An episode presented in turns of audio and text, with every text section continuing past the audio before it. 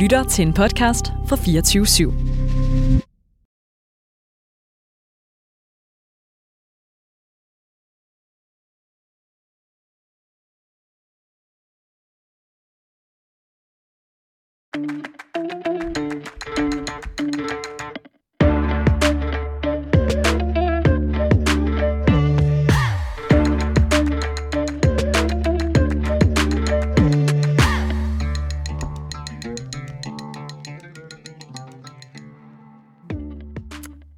Velkommen til Banat, og velkommen til en hyggelig aften med nogle hyggelige venner. Vi skal nemlig tale om interkulturelle fællesskaber i dagens Banat-afsnit. Og øh, jeg har selvfølgelig inviteret nogle af mine allerbedste venner her i studiet. Det er jo det, man har venner for. Og øh, ja, jeg må hellere springe ud i, hvem det er, der er med i studiet. Så øh, med os i dag, Banat nummer 1, Pauline Kufi Vandet, kurator, halv typo og indehaver af et multikultikørekort i venskaber. Ja, Godt at have dig med. tak. Med os i dag er Felix Thorsen Katzen Nielsen, Dr. Love og snart en kæmpe værtsprofil i pæt. Disclaimer lige her, og øh, faktisk også været min body double ven siden 2014. 100 procent. Sidst men absolut ikke mindst, Telly Betul Karajan, Vestegnens prinsesse og kommende barista ved Starbucks USA. San Francisco. Glæder mig til at høre om dit nye liv. Men også øh, en af mine nyeste bekendtskaber. Det tror jeg godt, man kan mærke i synergien. Ja. Rigtig godt, I gad at være med i dag. Øhm, uanset hvilket tema vi ligesom skal dissekere, så er der noget, der i hvert fald er fast som armen i kirken. Det er, at man skal tage en egen fortælling, folde den ud i Banat-studiet. Jeg vil jo gerne have, at Banat-institutionen ligesom kommer alle ved. Og det tror jeg netop, den gør ved, at vi ligesom dykker ned i, hvad der er på hver Banats respektive tallerken. Hvem har lyst til at åbne ballet? Telly. Øh, så Telly. peger de over på mig, Ja. fordi jeg har været med i programmet flest gange. 100. Øh, nej. Jamen, altså, jeg vidste jo ikke helt rigtigt, hvad jeg skulle tage med, men jeg tog bare en nyhed med, og det er Sofie Karsten Nielsen. Hun er gået ud af Radikal Venstre, og nu skal hun så blive et eller andet EU-topchef i dansk industri, noget med sådan noget bæredygtighed og biosolutions og så videre. Jeg kan ikke helt huske den, øh, den præcise titel. Og øh, det provokerer mig lidt, fordi Du har stemt radikalt jeg har stemt radikalt. Ej, det har jeg ikke. det eneste, der er godt ved det her, eller sådan, jeg tror, det er sådan en principsag, det her med, at de går ud, for, altså, de går ud efter at have været politikere til lobbyisme. Og det synes jeg egentlig er sådan lidt problematisk i sig selv. Og jeg ved ikke, om man skal nævne USA som det gode eksempel, fordi det er ikke tit, man ser USA som det gode eksempel.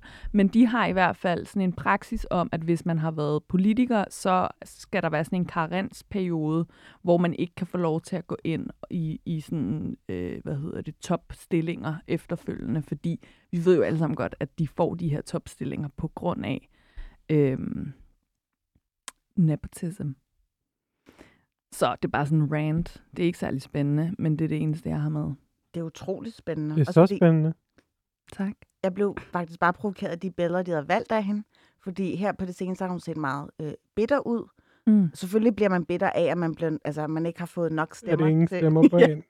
er Ja, selv. hvad var det? De gik fra, de mistede syv mandater. Hun var den partileder med absolut færrest personlige stemmer. Ja, ups. That's awkward. Okay. Det må, Men også fordi man ligesom kræver et folketingsvalg. Det havde Ja. været federe, hvis de bare var sådan her, okay, når der er folketingsvalg, vi, er, vi er bare, vi har haft et dårligt valg i år, sådan er det. Men nej, det var jo begrundet radikale, der Ja. blev folketingsvalg. Ja. Så blev hun straffet på den måde, men altså, fuck den der straf. Nu sidder hun og er sådan en chef i en eller anden mega fin stilling. Mm. Det er jo det. Lige så snart løbet er kørt, så begynder de at lave alle mulige aftaler, mm. og så Mm. kommer de ud i de her super fede stillinger. Så jeg kan godt forstå din rant. Jeg er meget enig. Opløs det. Altså, ikke, ikke Kvartrup herovre med analysen. øhm, skulle det være en anden gang? Man har ikke været I politisk aktiv. I might. Ja. Gud, ja, øh, Pauline er jo gammel socialdemokrat. Med Gud. i partiet. Det er for sjovt. Det har jeg selvfølgelig ikke det været. tror jeg, jeg har tænkt mig at skrive i min podcasttekst. Det er rigtigt, det er hun. Nej. Det er faktisk... Øh, that's a joke. Hvorfor sidder That's- du derovre og scammer, hva'? Det, Det er, er det er så nemt at google. Det er så nemt at google. Nej, det er ikke, det fordi det findes Nej, fordi så kommer den der anmeldelse frem, hvor hun har anmeldt fisk. Eller om det er det fiskefrikadeller eller et eller andet? Det er fish and chips i Aarhus Street Food, som er den bedste fish and chips, jeg nogensinde har fået. Jeg vil bare gerne vide, hvad det var for en fisk. Kæmpe færre. Og hvor er den anmeldelse? hen? Det er vidderligt noget af det første, Piu, piu. der kommer frem, når man googler mig. Hvis man bare googler Pauline på vandet, så er det noget af det første, der dukker op. Skud ud til alle dem, der har googlet hende på forhånd. Og ved, Hvad hedder hun? Pauline. Pauline. Navnerunde.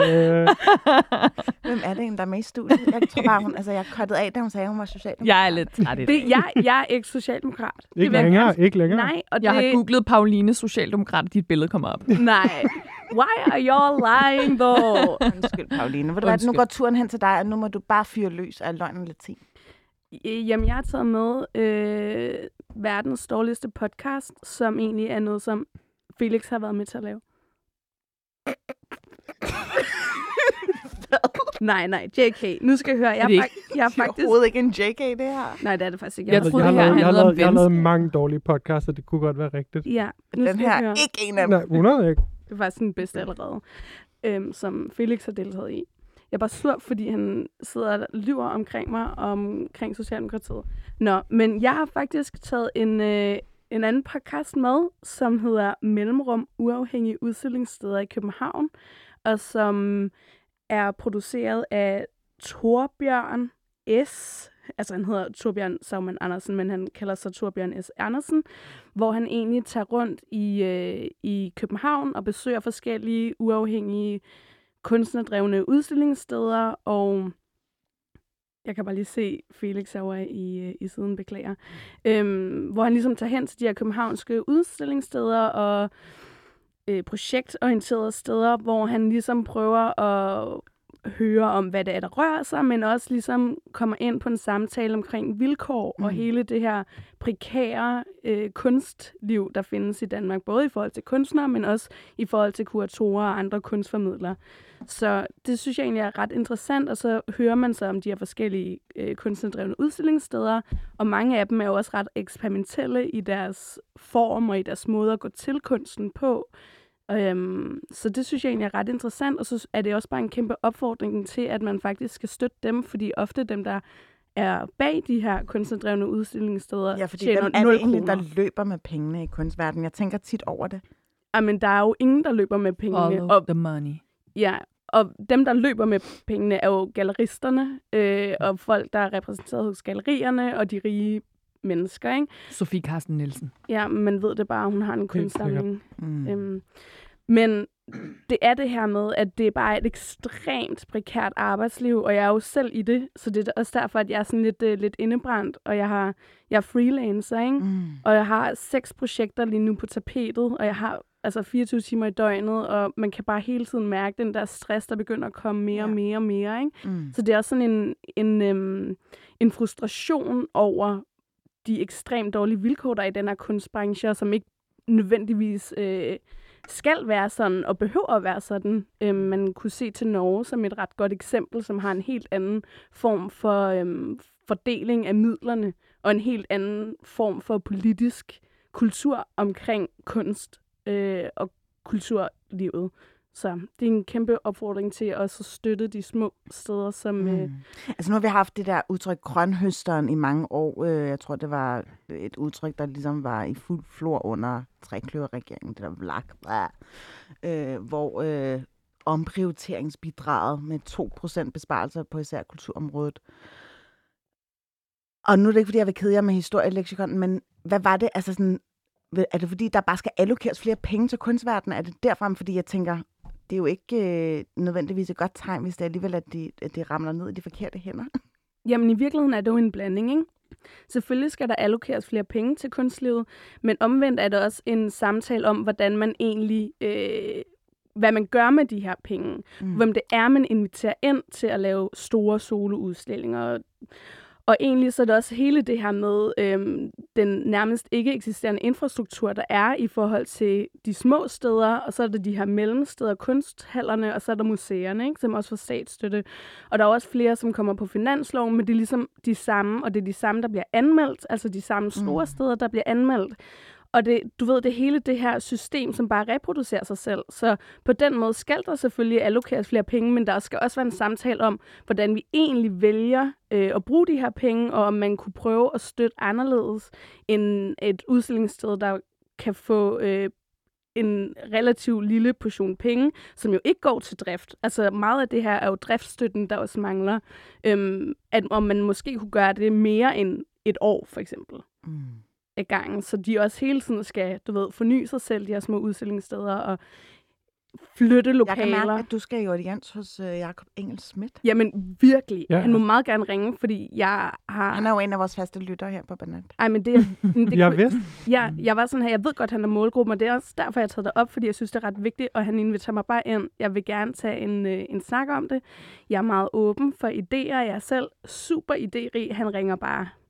Men det kan være, at du skal tilbage ind i politik. Mm. Jamen, jeg, Socialdemokrat. jeg er ekstremt politisk menneske, Mm. men jeg er ikke partipolitisk. Famous last words. Mm-hmm. Jeg har faktisk også lige læst øh, Karl Marx's Kapital som manga-version. Fucking sjovt. også en anbefaling on the side. Der er måske øh, ikke plads til de sorte kapitler. Ha, ha, ha. Øhm, Felix Thorsen, Katze Nielsen. Tak fordi du er med i dag, men øh, hvad har du taget med, som du gerne lige vil statuere? Jeg vil gerne snakke om Sydney Lee.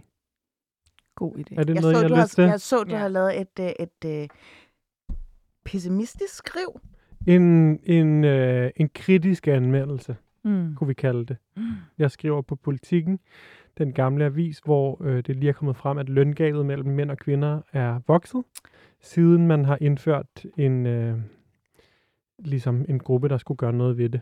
Så Altså, man har ned, nedsat til en arbejdskommission af en art, som skal kigge på, hvordan kan det være, altså hele JP, Politi- JP Politikens Hus, altså Ekstrabladet, Jyllandsposten, alle de der watchmedier, og så selvfølgelig Viggo Høbs gamle avis, Politikken, hvor Politikken er jo det politiske korrekte avis. Mm-hmm. Mhm. Der, hvor man skriver om ligestilling, der, hvor man skriver om det nye tendenser i samfundet.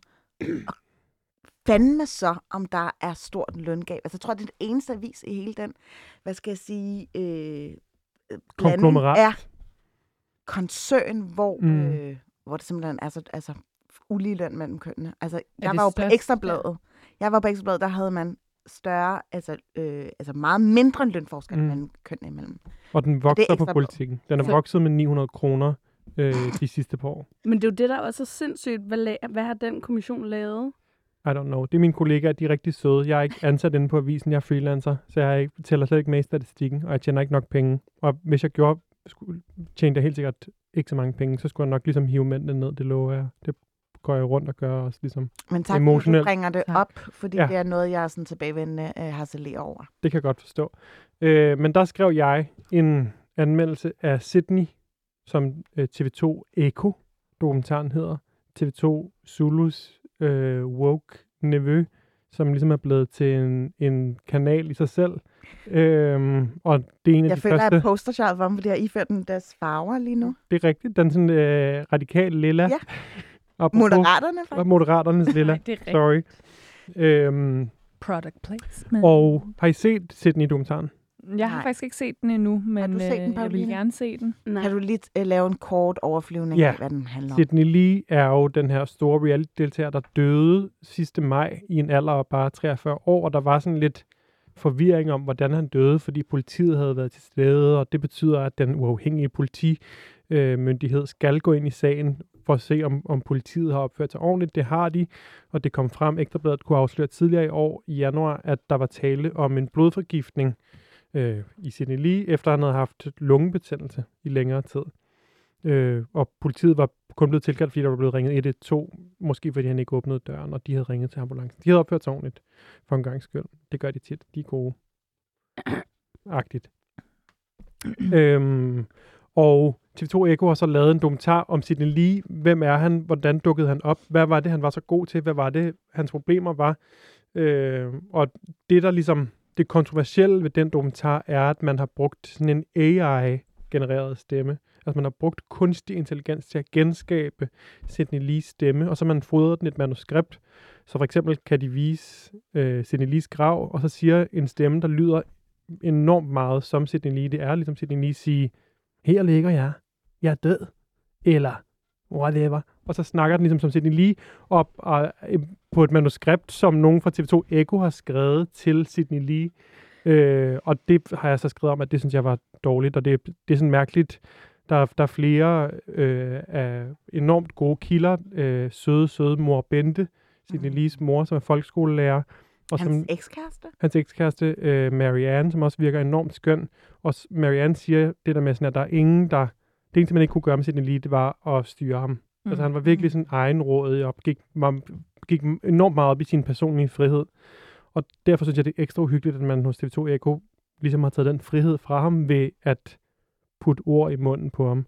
Og de siger selv, at, den er, at det er enormt øh, researchet, og at familien i øvrigt er med på, at hans stemme bliver brugt og sådan noget. Men det, en, det har sådan ret uhyggeligt skær. Men det er, en, det, er en, det er en sød dokumentar på grund af de medvirkende øh, moren, lillebroren, ekskæresten, vennerne, som ligesom laver et, et meget sådan følsomt portræt af Sidney Lee. Hvor er det, filmen knækker? Er det den der altså, øh, kunstig intelligent genererede stemme? Eller? Ja, den er en del af det, det der med, at man ligesom, man tager hans historie fra ham.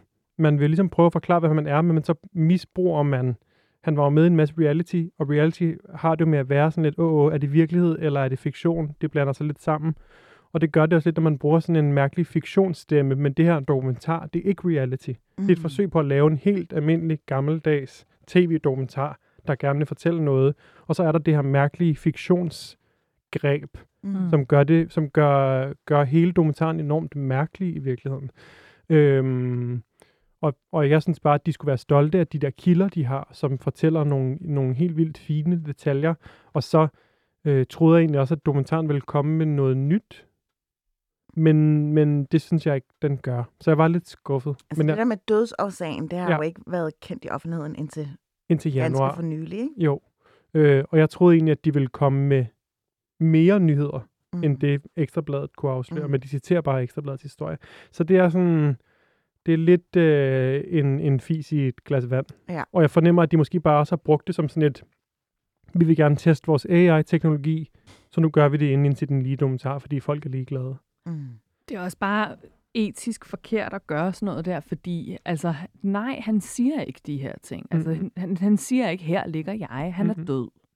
Og det er bare sådan, det er også at fjerne autonomi fra ham, og det, Mhm. det jeg ved det ikke, jeg synes virkelig, at det grænser til at være respektløst. Jeg, Mm. mm. jeg vil bare øh, hermed et citat ud i æderen. Når jeg er død en dag, er der ikke nogen fra TV2 Eko eller andre landsdækkende kanaler, eller regionale eller lokale, der må få en AI til at, at putte alle mulige ord i munden på mig. Ellers Mm. tak. Ellers, Hvem skulle egentlig spille dig, hvis der skulle blive lavet en film? Jamen, Lise Nørgaard død jo desværre. Åh, oh, thank God. øhm, så nu skal jeg lige tænke. Mm. Men jeg synes også, fordi jeg har ikke, øh, jeg kan ikke udtale mig særlig meget om dokumentaren, fordi jeg kan se den, men jeg har læst en artikel, øhm, også på Fra TV2, TV2 Eko? ja, men som ligesom var sådan om øh, Fra, sit fra hestens egen røv. Om man vil, ja.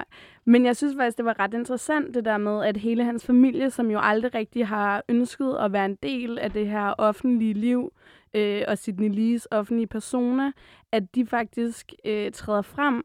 Og jeg gad godt vide, altså sådan, hvordan de er blevet taget på råd i forhold til den her stemme og den her AI-ting. Øh, øhm, fordi jeg ved ikke om, altså sådan, jeg, jeg, jeg tror i virkeligheden bare, jeg er lidt nysgerrig på, hvad, hvad der ligesom har for dem været, at det er det her, der skal laves. Altså om det i virkeligheden bare er, fordi det netop ikke er reality, at det er et fint portræt, og det ligesom, de kan få lov til at sige øh, og give deres historier og fortællinger omkring Sidney Lee, hvem han var, hvem mm. Han blev. Øhm, så, så jeg gad egentlig godt bare lidt at vide, kan lidt mere til bagved, altså mm. Mm. mekanismerne bag den her, hvordan den her dokumentar er blevet lavet, og hvordan familien har det med det. For det kan jo godt være, at de finder en eller anden form for trøst i det, Helt og så må man jo acceptere det, selvom at jeg også synes, at det er Ved vi totalt noget om det? Øh, nej, det virker som om, at de øh, er meget til rette i at være, øh, eller har det fint med at være med i, Mm. mm. i programmet. Moren Bente snakker en del om, at det er første gang, hun er foran et kamera, og at hun ligesom hele sit liv har undgået at skulle lave tv, også selvom Sydney har spurgt hende flere gange, og spurgt, om de skulle lave interviews sammen, og lave alt muligt, om hun ville komme med til Reality Awards og sådan noget. Det har hun sagt nej til indtil nu, øh, og indtil hun var til Reality Awards for første gang i år, hvor der var en, en, en hæder til Sydney Lee, øh, og hvor en pris blev opkaldt efter ham. Og alt det der er enormt rørende. Hun er meget ligesom, hun snakker også om sorg inde i, i, i dokumentaren, og snakker om, at, at hvordan hun kan mærke det hver dag. Og på den måde er den, sådan, den er enormt fin til at give hende plads. Mm. Og det, det er virkelig også derfor, jeg synes, det er ærgerligt, at man i mine øjne har øh, lavet sådan et omsorgs, ja. lavet sådan et omsorgsfuldt rum, og så samtidig på en eller anden måde misbrugt noget af den tillid til at så lave det her for mig enormt, enormt mærkelige greb med at få sin lige til at, at joke også om sin egen død på sådan en mærkelig måde med at, ja, Mm. og det var det. Og så fik jeg en masse blomster på min grav. Mm. Mm. Ej, det, det forekommer for mig helt absurd. Mm. Det, altså, Det er i hvert fald en måde at, ligesom at håne ham for, at han egentlig var en karakter, som netop øh, også godt vidste. Det var jo noget, der lidt florerede, noget, han også lidt jokede med selv, at, at han ikke vil blive gammel. Mm. Og så tror man ligesom, man kan brygge videre på den idé, men det virker jo, som du selv fortæller, Felix, øh, rimelig fejlslagen. Jamen, og, jamen, og fordi han ligesom i, i første afsnit afslører han også, at han er god til at fortælle en løgnehistorie. Altså, det er sådan, han, han er allerede lidt en, en, en løgner, det han selv indrømmet, så det der med at, at vel-researche er også enormt svært, fordi han selv Mm. siger, at det han siger ikke altid er sandt, og Mm. øh, AI-stemmen snakker ligesom nogle gange lige efter, at hans rigtige stemme har sagt noget. Og sådan. Så det bliver også sådan et, må man nu citere, altså vil jeg nu ligesom kunne gå ud i verden og sige, når Sidney lige har sagt det her, Mm. eller det, ja, synes, det er, gråzonen er lidt for grov. Mm. Ja, men det er også det der med, at du ikke kan skælne. Ja. Altså, hvis man nu gik ud og citerede, altså, det er jo meget, man kunne sagtens havne i den der med, at man kommer til at fejlcitere, mm. Eller altså citere ham for en AI-robot, når det i virkeligheden, når man går og tror, det er ham. Når, der når det er en fra TV2 Ekos Ja. ja. redaktion. Ja, men det er også fordi, altså, det bliver bare sådan lidt ekstra, fordi han er død, og han ikke kan tage til genmæle. Mm. Ja. Altså sådan det der med, at Ligesom der er ikke Michael Jackson. præcis... Så, Ja. Og Tupac. men sådan, der, det bliver virkelig... Prinsesse Diana. Jeg synes virkelig, det bliver kritisabelt, når at, at han ligesom ikke kan sige noget Ja. til det. Ja. Altså sådan, det er jo hele det der perspektiv, som jo er super, øh, super problematisk. Mm. At sådan, det kan godt være, at han ville synes, det var pissefedt, at der var den her AI-stemme. Mm. Men vi kan bare ikke spørge vide det. Nej. Og så synes jeg lidt, at man skal, man skal passe på. Mm. Og med den opfordring, så, øh, ja, så går vi faktisk videre i teksten. Ej, Tusind tak. Er det noget, du gerne vil lige... Jeg har øh, bare lyst til at ændre kommentar? min historie. Hvorfor? Det, jeg har taget med. Du er undskyld, fordi du er fasende.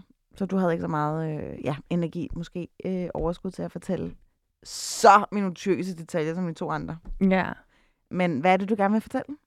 Må jeg godt? Ja, Må jeg kom. godt hente en ny? Ja, ja. Selvfølgelig. Altså, det må ikke være dark. Det er et åbent rum, det her. Det er lidt dark. Ja, den er lidt trist. Er det, fordi jeg har sagt op? Nej, det er fordi, lige nu, der øh, bliver der jo, øh, der er en masse bombeangreb i Palæstina, øh, og det plejer der at være hver ramadan. Og hver gang det sker, eller der er nogle angreb, så kommer jeg i tanke om den her app, der hedder Queering the Map. Jeg ved ikke, om I har hørt om den før, men den handler om at øh, prøve at dokumentere LGBT mm. Q plus personers øh, levede erfaringer i den øh, fysiske verden, og prøve ligesom at gemme det et sted. Øhm, og så gik jeg på et tidspunkt ind på Gazastriben og kiggede på, hvad folk har skrevet her af LGBT-personer, og så var der en og så er der de mest hjerteskærende øh, fortællinger omkring folk, der er Kan vi queer. også godt downloade den her Det er bare, Danmark? ja, ja, altså den, det er en hjemmeside, der hedder queeringthemap.com, og så kan du gå ind og så skrive, for eksempel her på Gammelmønt, hvordan er det at være queer-person her, og så kan Mm. du skrive dine oplevelser omkring det, så det ligesom bliver dokumenteret. Øhm, og det er tilgængeligt overalt, men det er bare virkelig hjerteskærende at gå ind og kigge på Gazastriben, hvor det har været øhm, eller nogle steder, hvor det måske er øh, illeset at være queer-person, hvilke, op, hvilke øh, erfaringer de har haft med det. Mm. Og jeg kommer bare i tanke om den der ene fortælling hver gang, hvor der er en, øhm, en, en mand, tror jeg, der skriver, at han for, for første gang holdt sin kærestes hånd der på Gazastriben, og at øh, han er virkelig ked af, at nu er han ligesom væk, og at der regner bomber ned over dem. Øh, og det bare, det er sådan, jeg ved ikke, jeg kommer bare i tanke om det, Mm. hver gang Palæstina bliver nævnt, øh, hvor forfærdeligt det er, når altså bare sådan en helt almindelig hverdagsaktivitet, som at gå og holde din elskede i hånden. Mm. Det er så tragisk Mm. med, med, hvad hedder det, bomber, der regner ned over dem. Så det var bare den historie, jeg hellere vil have med end Sofie Karsten Nielsen. Det er jeg faktisk glad for, at du Det er jeg også glad for. Ja, Ja, tak fordi jeg måtte det. det må du godt. Ja. Øhm, Men Queering the Map, den kan også godt være ret rar og ikke kun trist. jeg hælder det Øhm. Sofie Carsten Nielsen. Men så hvis Kan man skal skrive om hende derinde? Ja, det kan du godt. Jeg har stået tæt, og, tæt ved Christiansborg. Her er mit ledererfaringer med det. Ja. Ej, øhm, vi har jo faktisk et, en dagsorden. Jeg har jo sendt øh, en mødeindkaldelse ud til alle tre, og øh, det skal vi lige snakke om efter en lille skiller.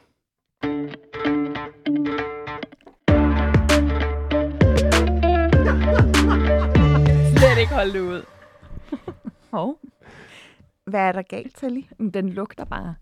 Altså, du komme- mikrofon holder, Har du lugter. lyst til at få den her mikrofon? Den lugter også. Der er nogen, der har du været inde i det her radiostudie og lugtet på Tellys. Den der mikrofon, Oh my god, det er kondom, en fucking hate crime. Det, that's a hate crime. queering the Altså noget af studio. det, jeg ved som fase, det er, at man faktisk ikke må tale dårligt om nogen. Så du må faktisk ikke tale dårligt om Radio M Hit. Den har ikke nogen følelser, skat. Et, det, det er Ikke der, der er queering, det er mere det herovre. Sorry. øhm, der er jo faktisk en mening med den her galskab, nemlig at jeg har hidkaldt, eller i hvert fald spurgt nogle af mine venner. Ja, hidkaldt. Oh, det lød faktisk øh, helt vildt øh, omstændigt.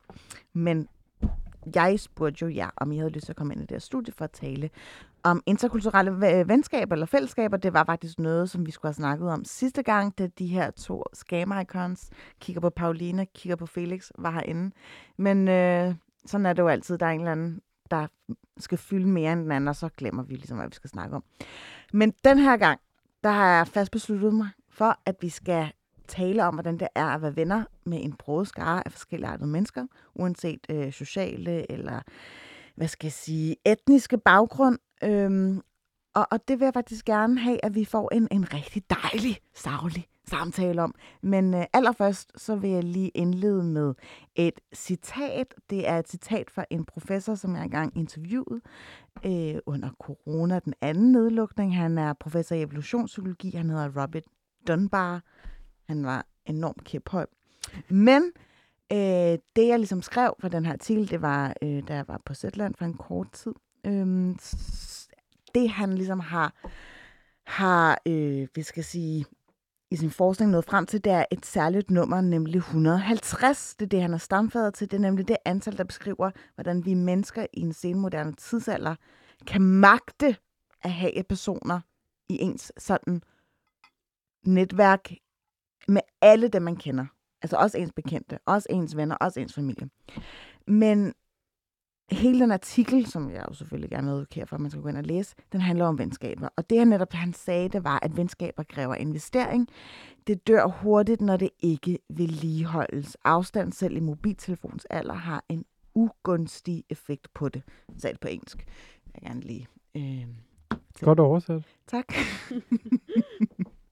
Men jeg vil jo rigtig, rigtig gerne have, at øhm, først og fremmest er der en, der fortæller, hvordan det er at være venner med mig. Men måske også lidt løfter sløret for det der med at være i et land, hvor altså størstedelen er, altså det er en homogen befolkningsgruppe. Der er måske ikke så mange, der skiller sig ud.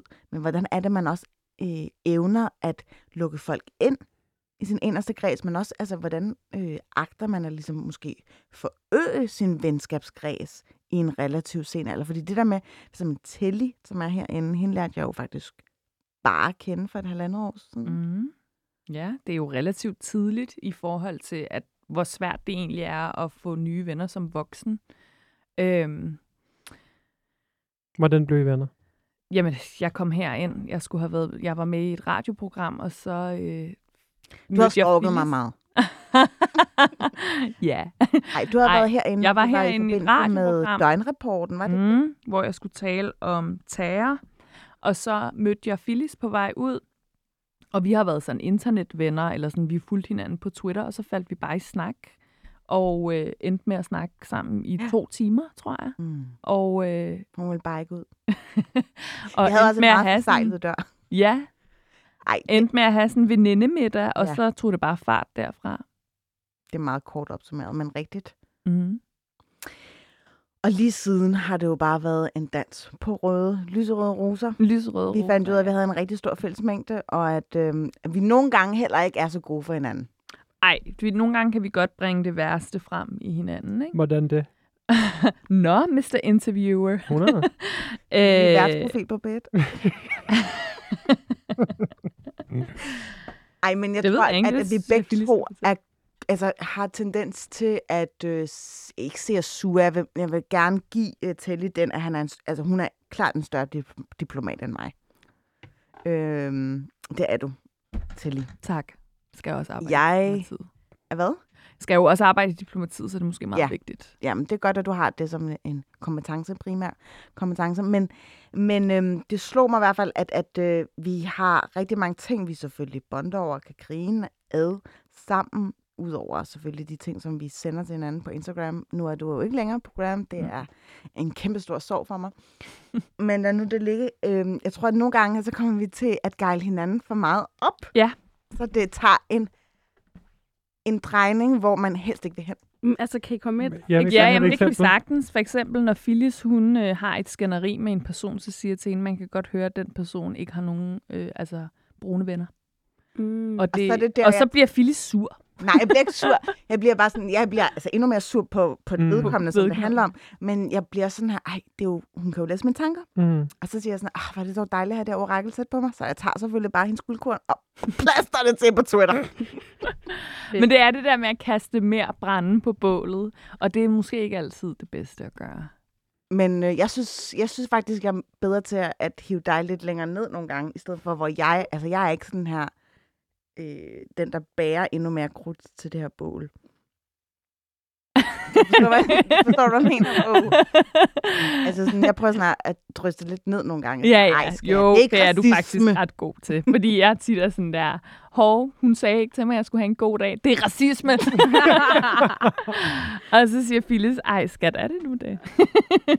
Man giver hende selvfølgelig ret, ikke? Men jeg tænker da i virkeligheden, at det er det gode. Ja. Også det gode ved et venskab, at der kan lige, øh, man kan kaste lidt med noget ekstra pind, ekstra brænde på bålet, men at man også kan være sådan her, lige slukke det lidt med noget vand. Jeg tror, der, altså det der er med Phyllis og vores venskab, det er, at vi mødes i vores forurettelser. Altså sådan, vi, vi er forurettet, og så mødes vi i, at det er okay, og det, hvordan man skal håndtere det, og at Men jeg synes også, Jeg jeg er til vi er meget altså, enige. af... Altså, hver gang man er sådan lidt, lidt, lidt low, så kan man i hvert fald altid få en kompliment fra mig. lige præcis. Ikke dig, der fortæller om, hvordan det er at være venner med dig. Noget andet, ønske, der jeg er god til. mig. Jeg vil ønske, at jeg kunne være venner med mig selv. Men det er rigtigt. Felice Det er rigtigt. rigtig, Felice er ja. rigtig, rigtig god til at give komplimenter. Men det er meget dejligt. Det er mener- meget trygt. Jeg Man- mener det, jeg siger ikke noget, der er uærligt. Lad os lige, øh, ikke så meget fokus på mig her, selvom øh, jeg elsker at være vært. Men Felix og Pauline, hvordan er det nu, I to kender hinanden? Vi skal jo snart ni år siden. Snart ni år siden. Ja. Socialdemokratiet. Du, nej, Ja, Jeg var til landsmøde. ja. præcis. Felix, han var næstformand. Nej, Det er su. jeg vil faktisk sige, øhm, jeg kan huske præcis det øjeblik, hvor vi blev venner. Mm. Kan du også? Øh, hvis vi tænker på det samme, var det det, da du havde, havde du den der snemandstrøje på, var det der? Nej. Og det var Nå. den første dag, du havde den orange på, ikke? Ja, ja, ja. Øhm, men det, vi, vi, vi er så uenige. Nå, men måske kan jeg godt huske det, men jeg blander noget sammen. Okay. Men vi startede, vi startede på RUK sammen i 2014, hvor Felice så startede. Felice var bare ikke med til introdagene, fordi det var 28. gang, hun startede på en ny uddannelse, så hun behøvede ikke mere øh, workshop uge. Jeg havde været igennem The Drill. Præcis. Ja. Men mig og Pau var helt øh, pure unge, start 20'erne, og øh, var mødt op ude på Trakona på Pløjemarken. Øh, og man starter i sådan et stort hus med 120 mennesker, Mm. og de er alle sammen øh, pandehår og ligner hinanden. Øh, Undtagen, undtagen, undtagen tre. undtagen tre. Der var tre, der ikke havde pandehår, og det var mig og Pau og Felice og nogle andre. øhm, men fortæl lige, hvornår du... Fortæl lige dit minde om, da vi blev venner, for jeg har en idé om det. Men mm. sig det lige. Vi, øhm, vi havde kigget på hinanden. Lige, du ved, sendt lidt, øh, lidt blikke og så videre. Vennecruiset. Jeg kan faktisk huske, der var en gang, det tror jeg aldrig nogensinde, jeg har sagt højt. Så sjovt. Jeg var delusional. Jeg havde lige haft et sabbatår i London og ville egentlig ikke hjem. Så, jeg, og jeg var sådan her, jeg havde ikke flere penge i London, og jeg arbejdede i et scammerfirma, og whatever. Det var skrækket langt ind på det værelse. Øh, en mus også, ja. Øh, helt galt. Sådan nogle snegle uden sneglehus, ja. Anyway, What? ja, it was London, I guess. Men øhm, så var jeg virkelig delusion og var sådan, at jeg skal ikke have nogen venner. Jeg har mine venner. Så sidder vi... så, så sidder vi øhm, til en forelæsning, eller sådan skal have en introduktion. Mm. Og så sidder jeg bag ved Felix, sådan, det ved jeg ikke, 7-10 stole bagved. Sådan lidt skråt. Og så på et tidspunkt vender han sig om og kigger på mig. Og jeg tænker sådan her, ham der, han vil gerne være venner med mig. Og så var jeg sådan her, men jeg ved ikke, om jeg vil være, vil være venner med ham. Ja, hvordan kom du så til fornuft? ja, men så tog vi jo Er det på, bussen? ja, så tog Godt. vi jo på rustur. Og så da vi var på vej hjem fra rustur, så var der en video med Turn down for what? Turn Down for What. Altså sangen? Ja. Ja. ja, og så var det fordi, der i den her video, så lige pludselig var der nogen, altså det var sådan lidt et meme-agtigt, mm. hvor der så var et, nogle mennesker i en speedbåd, som ligesom faldt ned, og det clashede bare perfekt timing med Turn Down for What. Og så begyndte vi ligesom at grine helt vildt meget af det, og så begyndte vi ligesom at følge den her Facebook-side, der hed Stylish Eve, som var grimme billeder. Mm. Øh, En, mange sådan nogle babybilleder. Ja, og sådan noget super store sko til babyer, eller et babyremedie, som man aldrig nogensinde har hørt om, som man kunne finde på dark web, eller whatever, ikke? og så begyndte vi ligesom at bonde over det, og så var jeg sådan her, wow, han er for mig. Og især et billede af øh, to babyfødder med sådan nogle røde strømper på, Præcis. som lignede lidt øh, ligesom i amerikanske film, hvor kalkunen får de der små sko på, inden den kommer ind Nå, i ja. ovnen. Ja, ja. Sådan så de der babyfødder ud. Det grinte de meget af. Ja, jeg har Men- det men virkelig jeg, sådan, jeg, det var jeg bliver det, bare lidt nødt til, altså som en journalistisk disciplin, afprøve din påstand. Vil du egentlig gerne være venner med hende? Ja, Altså, du venter om, var det aktivistisk? jeg kan ikke huske det der i, i, øh, i øh, øh, foredragssalen, var jeg ved at sige, men det lød jo også, der var noget delusional, hørte mm. vi. Mm. At hun så et blik, og så i det blik kunne hun læse min desperation. Måske hun projicerede, det vil jeg ikke komme nærmere ind på. Men jeg kan godt huske, at jeg gerne ville være venner med Pau, fordi jeg tænkte, der er et... Øh, jeg, kan, jeg kan nemlig huske en gang øh, Hindflætningerne. hende i introugen, hvor da vi ligesom kom til at snakke om, at du havde gået på Rystensten, og jeg havde gået på Christianshavn, to Københavner gymnasier, og alle dem der ude på RUK var jo fra Rokken Køge og Slagelse og sådan noget. Ja. alle mulige mærkelige steder. Og der var man sådan her, der er en anden ægte københavner, der var jeg sådan her, hende vil jeg gerne være venner med, fordi vi har et, et øh, en fælles referencegrund. Vi kommer ikke, vi er ikke sådan her fløjet ind fra Kolding, som nogle af de andre var. Dem. i og så også, altså, hvis du går på Christianshavn, vil du lige så godt gå på Rysensten, og hvis du går på Rysensten, vil du lige så godt gå på Christianshavn.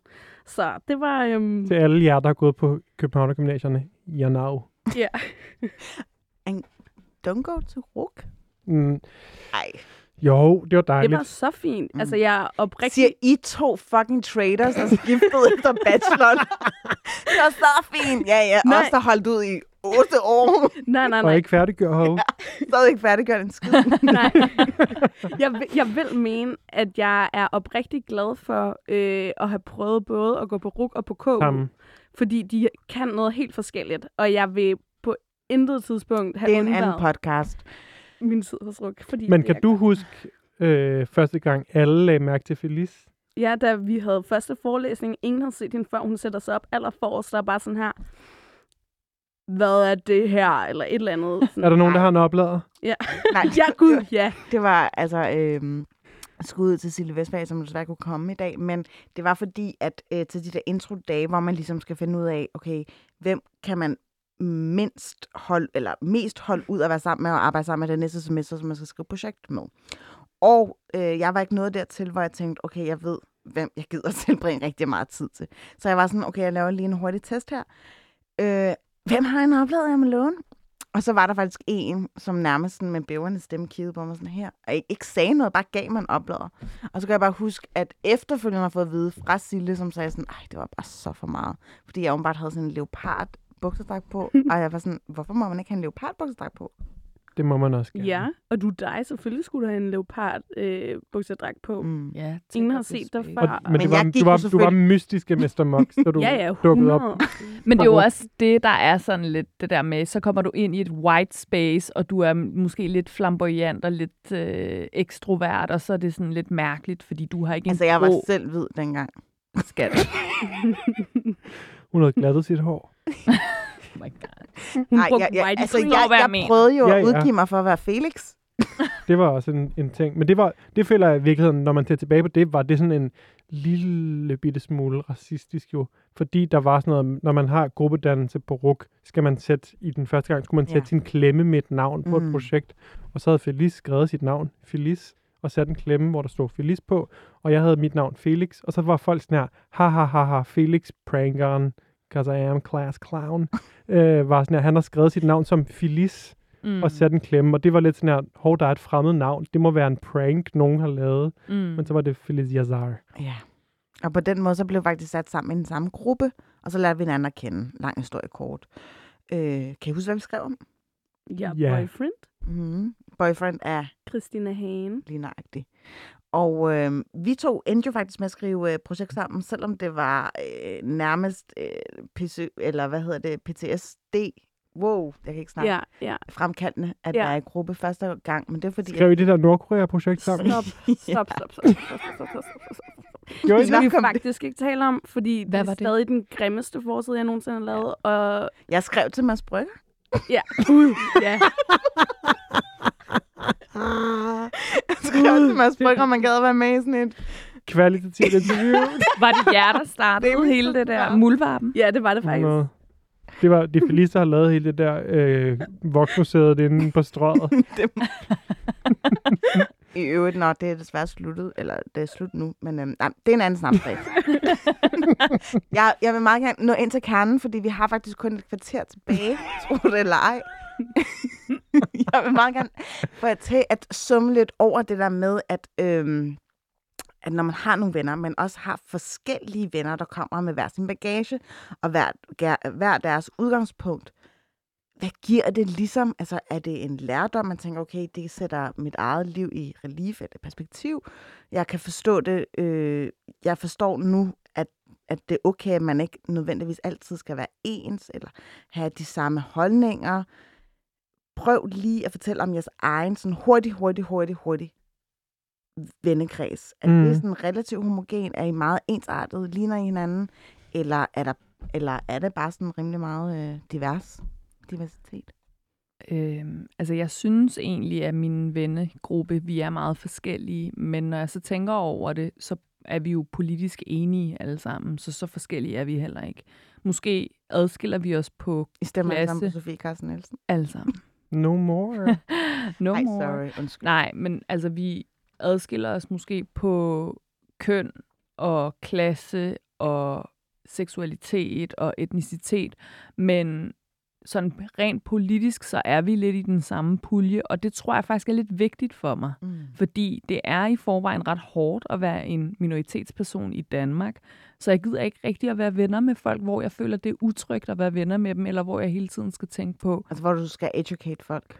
Både det, men også det der med, okay, er du egentlig lidt skabsracist? Mm. Eller sådan, har du egentlig et problem med muslimer? Fordi det gør mig utryg, og jeg gider ikke have Mm. venskaber, der gør mig utryg. Mm. Uenig. Ja. Mine venner skal udfordre mig. Jeg vil gerne have mine venner lige ved at tage mine rettigheder fra mig. Nå, men jeg har det sådan, at mine rigtigt. venner, de udfordrer mig. Det gør Ja, de, ja. fordi vi er så forskellige. Men, men der er nogle ting, som er nogle, nogle øh, grænser for mig. Mm. Og Mm. det er for eksempel min frihedsrettighed. Mm. Helt sikkert. Og der er jo bare også det her med værdi. Altså sådan, ved, øh, at man ligesom har på en eller anden måde de samme værdier, Mm. mm. at det ikke er en, man skal gå ind og debattere. Mm. Altså sådan, Mm. Må muslimer findes? Ja, Mm. nej, ikke? Altså, Skal vi tage runden? ja.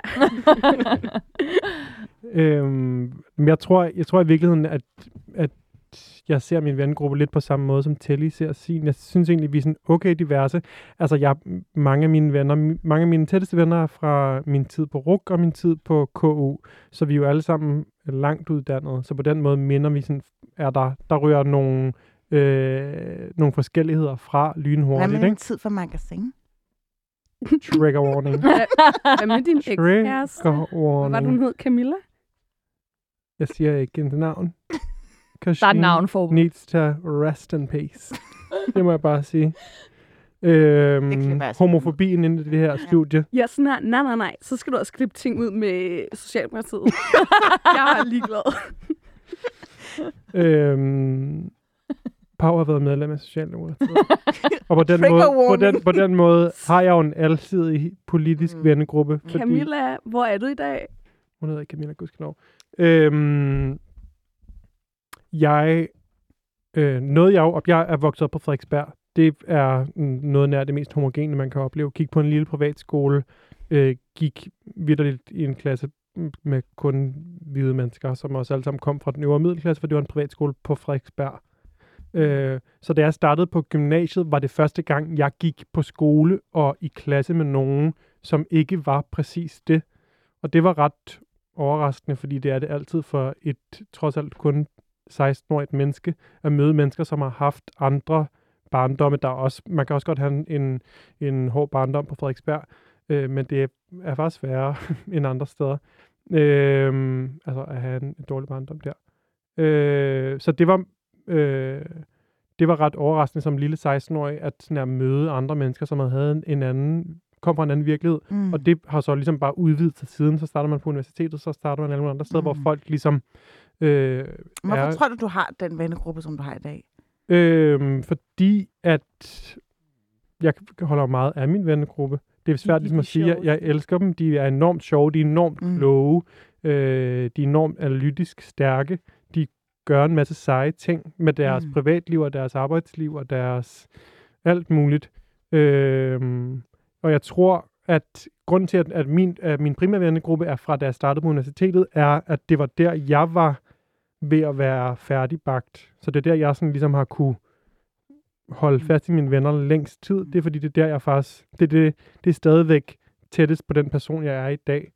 Øh, jeg er rigtig glad for mine gymnasievenner også, men jeg vil våge at påstå, at jeg også er meget anderledes, end da jeg Mm. gik i gymnasiet. Øhm, og jeg lidt ligesom det der, der Pau sagde med at have gået på KU og på RUK, at det er dejligt at vide noget om begge dele, og sådan tænker jeg egentlig også, det er at have en masse forskellige venner. Det er dejligt at have venner, der har meget forskellige liv, har haft meget forskellige liv, for det gør også, at man kan kigge på sit eget liv, Mm. og se noget nyt i det, se noget nyt i deres liv, og man ligesom hjælper hinanden med at opleve en hel masse. Det er jeg enormt taknemmelig for, at, at mine venner ikke er den samme. Jeg vil, jeg vil nok ikke lægge mærke til det, men hvis vi alle sammen var ens, men jeg vil da godt nok være ked af det, hvis vi alle sammen havde haft øh, det samme fabrikslavede liv, og det øh, har vi gudskelov ikke. Pau, øh, som en, der egentlig har boet i Tisted halvdelen Mm. af sit liv, og så kommet til København, og øh, som, nu gætter jeg bare, men jeg tror, jeg gætter rigtigt, altid lidt har været den eneste brune pige. Det er meget korrekt. Altså, øhm, og det var ret sjovt, fordi da jeg hørte de her fortællinger, var jeg også sådan, det er jo meget øh, storby-fænomen, det der mm. med, Mm. at man faktisk kan komme ind et sted, og så er der folk fra forskellige lag, sociale, kulturelle lag og etniciteter, alt muligt. Hvor at hvis du så bor i en lille nordvestjysk by, som Tisted er, og som jo i, i øvrigt er sådan hoved, øh, hovedbyen, ikke? Øhm, så er der bare ikke den her diversitet. Mm. Så kan der være lidt omkring klasser selvfølgelig, men helt grundlæggende er man meget den samme øh, middelklasse, under middelklasse person. Øh, Så det er sådan det der med, at jeg jo egentlig altid har været the odd one out. Og det vil jeg altid, øh, dels på grund af, at jeg er halvt ivoriansk, halvt dansk.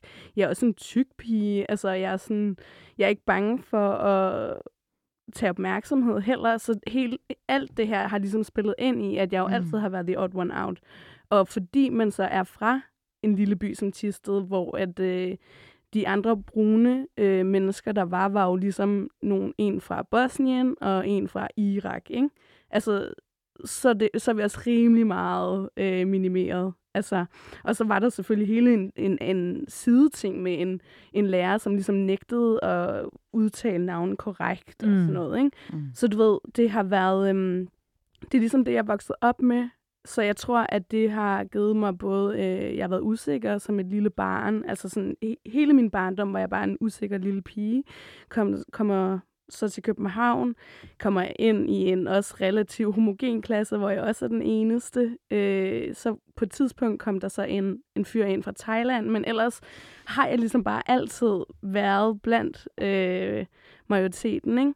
Så jeg tror i virkeligheden, at det også har gjort, at jeg, du ved, min usikkerhed blev nødt til at blive en indre styrke, fordi mm. det var sådan, jeg skulle overleve på. Jeg skulle ligesom lære at finde mig til rette i min egen krop ret hurtigt, fordi jeg netop ikke havde nogen at spejle mig i. Men mm. det er også bare en enorm... Har du følt dig ensom? Jeg skulle lige at sige, det er nemlig også en enorm ensom rejse. Mm. Altså, så det, det er egentlig også først, jo ældre jeg er blevet, jo mere øh, divers min vennegruppe er blevet, både i forhold til klasser, etnicitet og køn, jo mere øh, trygt er det også blevet. Altså, jo mere kan jeg også være 100% ærlig. Selvfølgelig kommer det også med alderen, og når man er en lille tween på 12 år, og man bare prøver, vil prøve at passe mm. ind. Ikke? Men følte du, at du havde lettere ved at blive venner med nogen, som heller ikke var 100% danske?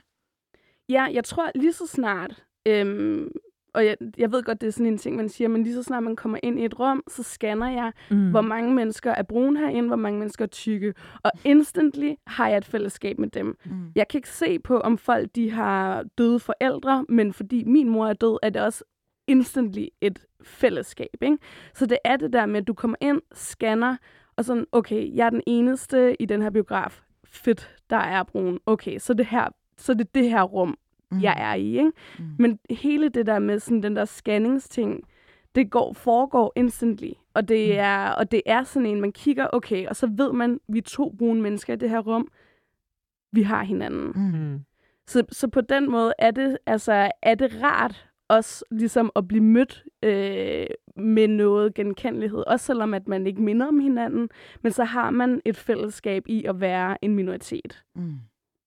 Det kan jeg virkelig genkende. Altså, det, jeg er vokset op i Alberslund, som jo er Vestegnen, og det er et super divers, men på trods af, at jeg er vokset op i et socialt belastet boligområde, så har der også været... Øhm, Altså, så har der selvfølgelig, vi lever, Danmark er jo meget homogen, så der, vi har alligevel været sådan en, en lille del, der har været de odd ones out. Og det samme, da jeg var på mit gymnasie, der gik jeg på et super hvidt gymnasie i Roskilde, hvor jeg gik i klasse med folk, øh, der aldrig nogensinde havde mødt en muslim før, øh, men kun havde hørt om dem i medierne. Øh, som så troede, at vi alle sammen var kriminelle, fandt så ud af, det er vi ikke. Øh, og ah. så... og så da jeg kom på universitetet, der var det igen på hele min årgang på statskundskab. Super vidt. Måske var vi, jeg kan tælle på en hånd, hvor mange brune vi var. Og det er igen det der med, når du går ind og scanner, du bliver per automatik tiltrukket af den her person. Du går hen til den her person. Det er sådan en magnet. Jeg scanner altid efter tørklædebærende kvinder, fordi jeg er sådan, okay, så har vi et mm. fællesskab. Det kan godt være, at de er super religiøse, og det er jeg måske ikke, eller sådan, at jeg er totalt uenig, eller whatever, men igen det der med, at det er et fællesskab i sig selv, som, som der bare... Kære lytter, du har lyttet til et program fra 24 /7. Du kan finde meget mere modig, nysgerrig og magtkritisk taleradio på 24 7 appen Hent den i App Store og Google Play.